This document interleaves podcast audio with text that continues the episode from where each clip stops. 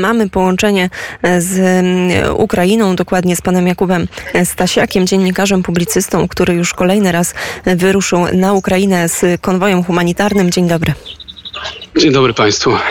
Proszę powiedzieć słuchaczom Radia Wnet, gdzie pan teraz się znajduje i jak minęły panu ostatnie 24 godziny? Tak, tak więc obecnie znajduję się w Dniprze, e, w bezpiecznej odległości od Donbasu, tak bym powiedział. To jest 5 godzin właściwie podróży do tych e, punktów najbardziej zapalnych. E, cały czas przygotowujemy na bieżąco nowe konwoje humanitarne. Dzisiaj zespół złożony właśnie z obywateli Wysp Brytyjskich i kilku Polaków e, wyruszył w kierunku Siewierska z rzeczami, które otrzymaliśmy właśnie na miejscu w Dniprze. Istnieją takie punkty, w których po prostu się zaopatrzamy, gdzie trafia pomoc humanitarna z zachodu i tak to na porządku dziennym przebiega. E, ta sama ekipa, o której wspomniałem, planuje też dzisiaj dostać się do Lisyczańska, czyli miejsca, które jest częściowo odcięte ale w którym nadal znajduje się dużo ludzi e, wymagających pomocy, ale też oczekujących na ewakuację, bo też takie zapotrzebowanie otrzymujemy. To zanim jeszcze powiemy, czego najbardziej mm, potrzeba, to mm, takie pytanie trochę e, dotyczące mm, kobiet na Ukrainie. Dzisiaj na, podczas konferencji w Brukseli żona prezydenta Ukrainy Ołena Zełęńska mówiła, że już ponad tysiąc kobiet piastuje stanowiska dowódcze w armii ukraińskiej. My także od początku tej wojny dużo mówiliśmy i dużo takich głosów z Ukrainy płynęło no, na temat tego, że jakiś taki bardzo znaczący procent, 30, a może nawet 40% e, właśnie wojska, czy też tych takich ochotniczych, nie, nie tylko wojska zawodowego, ale tych ochotników właśnie stanowią kobiety. A czy ty widzisz dużo kobiet na Ukrainie, e, kiedy mówimy o tych takich no, osobach na pierwszej linii frontu? To jest właśnie ciekawe, bo o tyle, o ile w jednostkach e, policyjnych i właśnie tych, które stacjonują e, bliżej centrum Ukrainy, to faktycznie da się zauważyć e, sporo odsetek kobiet, tak już na tej pierwszej linii niekoniecznie. Z czego to wynika? Nie wiem, nie będę się bawił w analizy, natomiast faktem jest, że mm, kobiet w mundurach jest, jest sporo. Zwłaszcza obserwowałem to na początku wojny pośród właśnie młodych ochotników. Tam kobiet było całe mnóstwo. W niczym nie odstawały, co oczywiste, mężczyznom, więc ta proporcja myślę, że faktycznie może się zmieniać. Natomiast e, nie na Donbasie, tego akurat e, nie dostrzegłem. E, co nie zmienia faktu, że, że kobiety odgrywają w tym konflikcie olbrzymią rolę. A jeżeli chodzi o ludność cywilną, to osoby, które wspierają, ale właśnie nie na pierwszej linii frontu, czy, czy, czy dużo kobiet pozostało w swoich domach, miastach, na wsiach?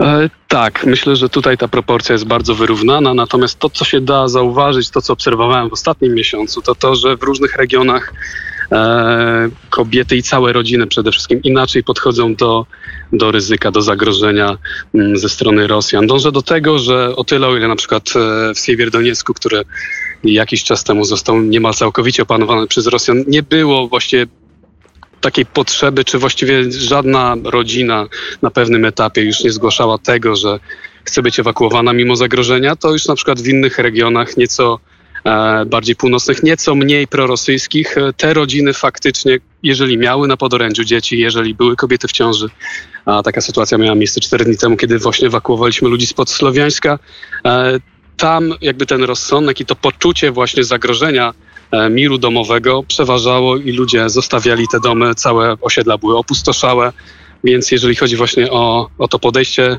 ludności cywilnej, no to ono się zmienia wraz e, z, z szerokością geograficzną.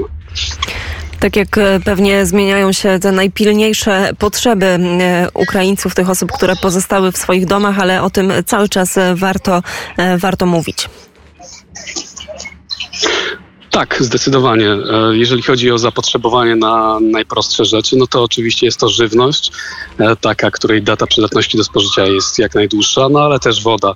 A z każdym kolejnym tygodniem otrzymujemy coraz więcej sygnałów e, odnośnie tego, że po prostu brakuje wody. Brakuje wody niemal wszędzie. Zapotrzebowanie składa nam wojsko, zapotrzebowanie składają nam mieszkańcy wiosek na Donbasie. Także jeżeli chodzi o te potrzeby, one niezmiennie są, są olbrzymie i z reguły chodzi o najbardziej podstawowe, podstawowe rzeczy.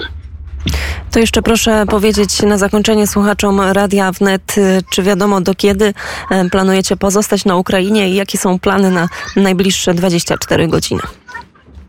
E, cóż, jeżeli chodzi o mnie, to cały czas staram się nawigować e, różnymi właśnie konwojami, dawać znać też konkretnym kierowcom, którzy się do mnie zgłaszają, że chcą właśnie jeździć w te miejsca.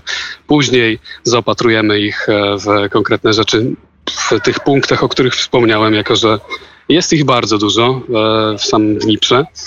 E, jeżeli chodzi o plany, to w ciągu najbliższego tygodnia planuję powrócić do Polski, żeby po jakimś czasie ponownie już e, z nowymi samochodami, nową ekipą dalej kontynuować to nasze małe dzieło, czyli wywozić ludzi, czyli dostarczać produkty.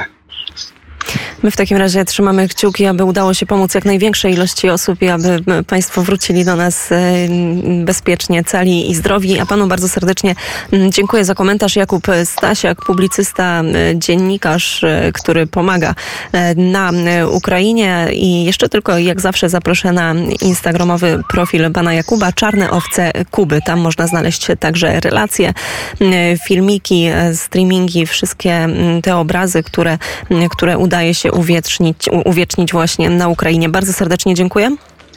Dziękuję pięknie, do usłyszenia.